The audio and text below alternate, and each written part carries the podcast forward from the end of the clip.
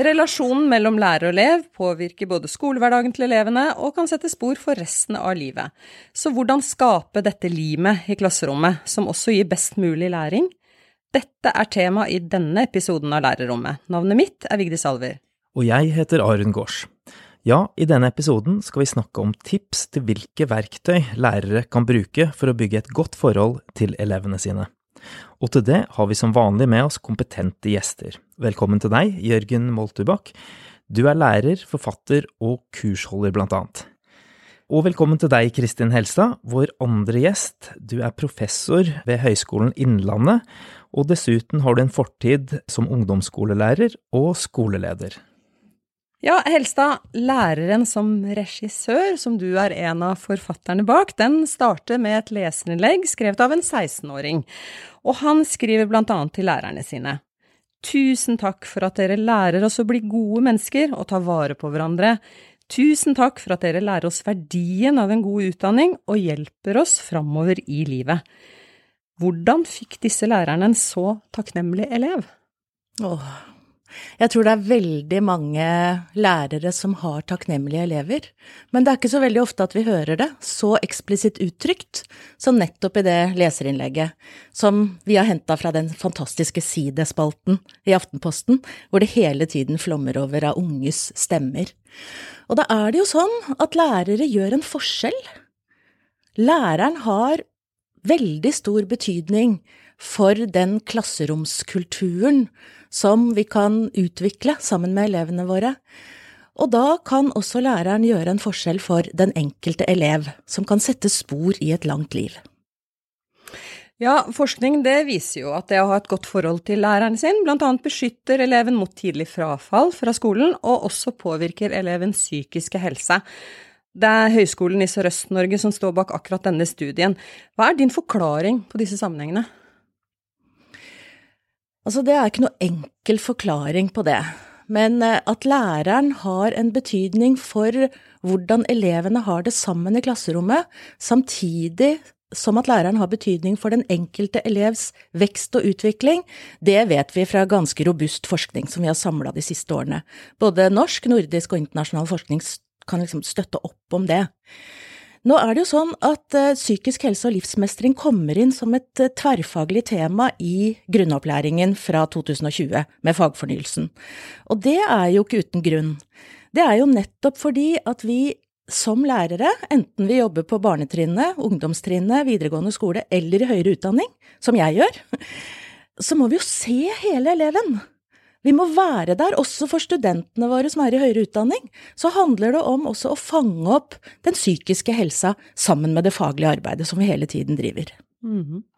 Og for å komme litt sånn til konkretene her, for at eh, i boka di, som er bygget på mange forskningsresultater, både nasjonale og internasjonale, så beskrives ensomhet som sterkeste faktor for frafall i videregående mm. skole. Og mange lærere de kan se denne ensomheten. Mm. Men hva kan en lærer gjøre for å hjelpe de ensomme elevene på mm. ulike skoletrinn? Og det er jo nettopp det å være sensitiv, da, overfor elevene sine. Jeg tenker det at det er veldig lett å fange opp de litt bråkete, ofte gutta som tar mye plass, og som er der veldig tydelig og synlig i klasserommet. Og så er det ikke så lett å ha øynene i nakken og forholde seg til dette komplekse og sammensatte klasserommet, som alle klasserom er. Og kanskje sitter det da noen som ikke sier så mye, som er usynlige, men som likevel læreren må fange opp, men som ofte går under radaren. Og da handler det om å ha noen sånne verktøy som, eh, som handler om å ha blikk for den enkelte, men rom for alle. Og det handler om også å utfordre og støtte de elevene som ikke alltid tar så mye plass i klasserommet. Det kan vi gjøre på forskjellige måter. Og her er vi jo inne på det vi kaller relasjonskompetanse. Og nå har du nevnt mange ting en lærer bør kunne som har en god relasjonskompetanse. Kan du nevne flere ting som ligger i det å ha en god relasjonskompetanse?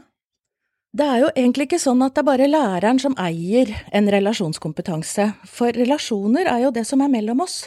Det som oppstår i det rommet mellom deg og meg, mellom læreren og eleven i klasserommet. Så da handler det om å fange opp hvordan eleven har det, rett og slett. Og ha verktøy for nettopp å på en måte la elevene gå ut av sin private sone og inn i det profesjonelle rommet. Fordi det å være elev er også et arbeid. Så når elevene kommer på skolen, så er de på jobb. På sin jobb. Og lærerne er i sin rolle som profesjonell yrkesutøver. Og da handler det om å både anerkjenne og se og jobbe med relasjonen, samtidig som du aldri står og underviser i relasjoner. Du underviser jo i norsk eller engelsk eller matematikk eller geografi eller i kunst og håndverk. Men det å se elevene samtidig som du jobber med å formidle faget, det krever også lang trening, faktisk. Mm. Og det er derfor det er så viktig at unge lærere som kommer nyutdanna, ikke bare møter dette praksissjokket og slutter etter ett eller to eller tre år, men får veiledning av erfarne, mer kompetente lærere som kan støtte dem i det arbeidet. Moltebakk, du står jo også i eh, klasserommet. Og hva er dine beste tips til lærere som skal bygge gode relasjoner til elevene sine? Uh, ja, det er mange forskjellige ting. Så kult at du kaller meg Moltubakk. Det er lenge siden noen kalte meg vært på etternavn med meg. Jeg prøver å komme på fornavn med elevene veldig kjapt, i hvert fall. Det må jeg si. Som Kristin sier, så er det overveldende for mange nye lærere å komme i gang med det arbeidet. Og jeg tror at det som er mye av nøkkelen, er systematikk i de små tingene. Og det kan være for eksempel at du, hvis du skal bygge én-til-én-relasjoner, hvis du har 25 elever i klassen, og du skal ha en, en relasjon til hver av dem, at du tar de små tingene, f.eks. stå innenfor døra eller ved døra når de kommer inn, og nikke og smile til alle sammen. På vei inn i klasserommet og på vei ut av klasserommet. Da har du hatt 50 små møter, og så kanskje en to, tre, fire av dem har du en ordveksling med også. Og hvis du gjør det hver gang i hver time et helt eh, skoleår, så er det tusenvis av små møter. Og, og, det kan du også gjøre um, på andre måter. Ha en liten undersøkelse med noen spørsmål digitalt, eller ha noen små minimøter. I dag vil jeg ha én-til-én-møte med ti av dere, og så ti neste gang, f.eks. Og at du gjør dette helt systematisk. Og det jeg tenker er også viktig å understreke da, at du, systematikk er ikke det samme som at du går på autopilot, eller at det er automatisk. ikke sant? Det er viktig å si, fordi at noen som ikke er vant til å jobbe på den måten, kan tenke ja, dette var da veldig Eh, ikke sant? At du, du blir liksom eh, litt sånn umenneskeliggjort ved at du liksom tar sånn serie, seriekommunikasjon med mange. Så det betyr ikke at man skal handle på, på autopilot, men at man er systematisk i arbeidet, tror jeg er veldig lurt. Hvor mye av relasjonskompetansen handler om lærerens evne til å gi eleven feedback og motivasjon? Jeg tror ikke det handler om prosenter, men dette handler om noe som jeg syns er kjempeviktig, og det er klassesamtalen. Fordi vi har en tendens til å individualisere den praksisen til elevene når de sitter der med sin iPad eller digitale dings. Så det å opprettholde den klassesamtalen, det er kjempeviktig. Og det har vi også forskning på som viser at hvordan den kvaliteten på samtalen er, og hva slags form den klassesamtalen mm. får, har stor betydning for elevene. For gjennom en klassesamtale selv om læreren har 28 elever, og de går i videregående skole eller ungdomsskolen eller tredje klasse i grunnskolen, så kan du fange opp og gi respons, da. Ja. Feedback både til enkelteleven og til gruppa, og samtidig undervise i faget og plukke opp det elevene tar med seg inn. Mm. For det er jo også sånn at klasserommet er jo ikke et lukka rom. Mm. Klasserommet har en kontekst rundt seg som påvirker det som skjer i klasserommet. Mm. Alle elevene kommer med sin bagasje, det de har gjort i fritida, det de har med seg hjemmefra. Læreren kommer inn med sine eh, både ferdigheter og sin kompetanse, og sammen så skaper vi noe. Vi setter noe i scene og i spill. Så det er gjennom den samtalen, som jeg er kjempeopptatt av, at læreren også kan gi den enkelte respons, motivasjon, og få klassen til å jobbe som et fellesskap sammen. Mm. Mm. Jeg synes det er så, eh, og det er så fint i den boka deres, 'Læreren som eh, regissør', at læreren på en måte tar en regirolle på å iscenesette mm. den samtalen. Og jeg tenker at den der én-til-én-biten, eh, som jeg sa, den, den, er bare halvparten av jobben, fordi at du skal skape en dynamikk mellom én-til-én-kommunikasjon og gruppekommunikasjon. Og jeg syns ofte det er fint å ta et utgangspunkt i én-til-én-kommunikasjon. For eksempel hvis jeg får en ny klasse, og lage en undersøkelse på hvordan liker de at undervisningen er. Altså Foretrekker du eh, powerpoint-foredrag, eller foretrekker du gruppearbeid, foretrekker du individuelt arbeid? Og Så får alle svart på det, og alle får en, en, respons på det. Men så kan man ta den kommunikasjonen med hele klassen. Jeg vet at i denne klassen så er det halvparten av dere som virkelig liker powerpoint-foredrag, og halvparten liker gruppe, uh, gruppearbeid, og jeg skal prøve å ivareta begge grupper. Så nå gjør vi, i denne timen gjør vi begge deler, f.eks. For, for da har du både snakke til hele gruppen, og så snakker du til hver enkelt. Jeg tror at den jobben som virker så overveldende for mange, med skal jeg liksom ha jeg har fire klasser, jeg har 100 elever, skal jeg ha 100 én-til-én-relasjoner, den blir mye enklere hvis du kombinerer det med å jobbe med en tydelig gruppeidentitet. Det vi-et, det fellesskapet, at vi er sammen om dette. Det vi-et, det utvikler seg uansett. Men det kan utvikle seg i forskjellige retninger. Det kan være at vi er bråkeklassen. Når det kommer en vikar inn, sier du nei, her får du ikke gjort noe, for vi er en sånn klasse som ingen jobber. ikke sant? Og der har læreren så stor makt å påvirke det. Som det vi, men vi er en klasse hvor det jobbes bra. ikke sant? Vi er en klasse hvor alle har med seg bøkene sine. Eh, så hvis du som lærer balanserer de to tingene, så, så du altså Så blir jobben mye enklere. Og derfor så er det så utrolig viktig at lærere har både en stor, velutstyrt verktøykasse, hvis vi kan bruke den metaforen, eller en annen metafor, et stort repertoar. For det å ha et stort repertoar, og det får du ikke liksom bare ved å ta en lærerutdanning, det får du gjennom øvelse, trening, ved å kopiere andre, ved å herme etter andre som har vært ute en vinternatt før, ved at noen kommer inn og ser på deg, der kommer alt det inn, med observasjon av klasseromspraksiser. Så det å ha den verktøykassa, sånn at du kan tenke at nå funker det ikke med den undervisningsplanlegginga mi som jeg egentlig hadde lagt opp til. Nå må jeg ta opp et annet verktøy. Nå må jeg sette elevene i gruppe. Nå må jeg ha en individuell økt her. Nå må vi jobbe på andre måter. Ja, Det er kjempeviktig. Ja, det er det, og den kan man utvide etter hvert. eh, Og, det er jo det Altså, jeg er jo, det vet du, jeg er opptatt av improvisasjon mm. i klasserommet. Og det å liksom våge å ta sjansen på de nye tingene noen ganger, som du ikke har lest noen steder, som bare virker riktig der og da. Jeg hadde en, eh, en klasse som jeg hadde siste time på fredager, jeg tror det var åttende klasse for mange år siden. Og alle vet at det er veldig tungt. Siste time fredager. De hadde mentalt hatt helg. Og da improviserte jeg hver gang. Jeg husker en gang jeg sa bare Oi, er dere skikkelig trøtte nå? Ja, jeg har lyst til å begynne med å sove et par timer. Nei, et par minutter. Eh, legg dere på pulten nå. De var helt sånn overvelda av en lærer som kunne si det. Så fikk de slappe av et par minutter, og så begynte vi, så tok vi det derfra. Og det er liksom ikke noe Jeg kan ikke si at det er forskningsbasert sånn i seg selv. La elevene ligge eh, to minutter foran der. Men der og da så virket det som en fornuftig ting, og det gjorde at man skapte et momentum. Men for Som- å kunne improvisere, vet du, Jørgen, så må du kunne grunntonene. Ja. Akkurat som en jazzmusiker som improviserer, så må de kunne grunntonene. Ja. For da må du ha såpass mye bagasje og kompetanse og kunnskap og ferdigheter at du nettopp kan improvisere, Ja. for du vet hva det handler om. Men du, jeg, jeg vil litt tilbake til der, liksom, klasseromsituasjonen og dette her med Hvordan merker du som lærer at klassekulturen er god eller dårlig? Er det sånn som du merker idet du går inn i klassen? Ja. Og jeg merker, altså hvis du, er, hvis du har antennene ute på å prøve å få det med deg, så får du med deg så mye i løpet av det første minuttet, eller de første to minuttene. Og problemet er jo at det er så mye informasjon der som man som lærer ikke får med seg hvis man er opptatt av seg og sitt. Hvis du liksom har hodet fullt av forberedelsene dine og powerpointen din og, og, og liksom alt du bærer i begge hendene, og bruker fem minutter av timen på å liksom orientere deg i ditt, e ditt eget indre og ytre kaos, da, så går du glipp av den informasjonen. Men hvis du bruker de, og det er det jeg tenker på med det eksempelet med de som skulle få sove, det var jo det at jeg så at her er det veldig mange som er trøtte og slitne. Jeg tok jo inn det, eh, og tok det på alvor. Andre ganger så er det jo noen ganger så trenger du å regulere energien opp, andre ganger må den reguleres ned. Og det for en lærer å liksom lese det rommet i løpet av det første minuttet, og så iverksette de tiltakene som trengs. Jeg for eksempel, hvis, spesielt da jeg jobber på ungdomsskolen, hvis elevene kommer inn i 100, og det har vært kaos i friminuttet, og jeg har tenkt å ha gruppearbeid, så vil jeg ganske fort ta den beslutningen. Vet du hva, nå skal vi sitte én og én og skrive litt, dere, eller lese, bare for å få regulert energinivået. Og akkurat det der å diagnostisere, kaller jeg det nærmest. Det er en sånn nesten litt sånn kjølig diagnostisering du gjør deg når du er sensitiv og lyttende og har alle følehorna ute, som du sier, Jørgen. Så kan du lese det nesten med en gang. Men igjen, det også krever erfaring. Og det er det også ledelse i klasserommet handler om. Nemlig, Kristin, for det er dit vi skal nå. For du, blant annet, du har forsket på forholdet mellom lærerarbeid og ledelse i skolen. Og du er opptatt av ledelse i klasserommet, og at det er mye av nøkkelen for læringsmiljø og elev-lærer-relasjonen. Hvorfor er det så viktig at det er læreren som er sjefen i klasserommet? Altså jeg tenker at eh, det er veldig mye ledelse i lærerarbeidet.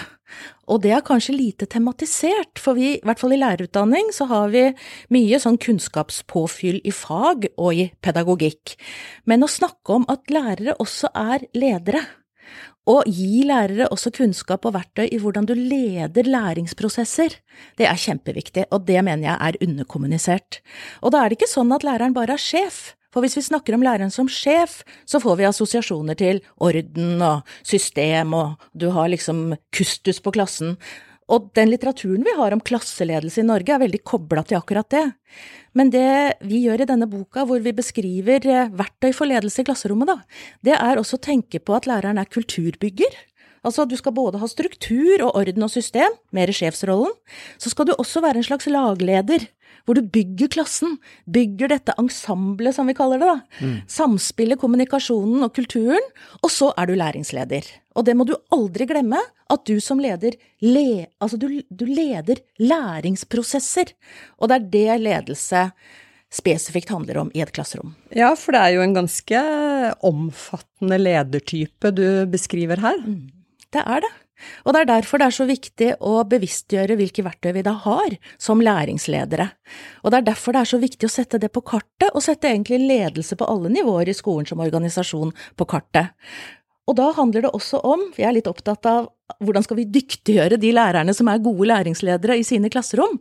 Da handler det om at de lærerne også må få lov å være i et fellesskap, må få lov å være i gode kollegafellesskap, må få lov å komme med tabbene sine, med seirene sine, og at det er noen skoleledere som også ser dem, og er opptatt av at lærerne er gode i sine klasserom.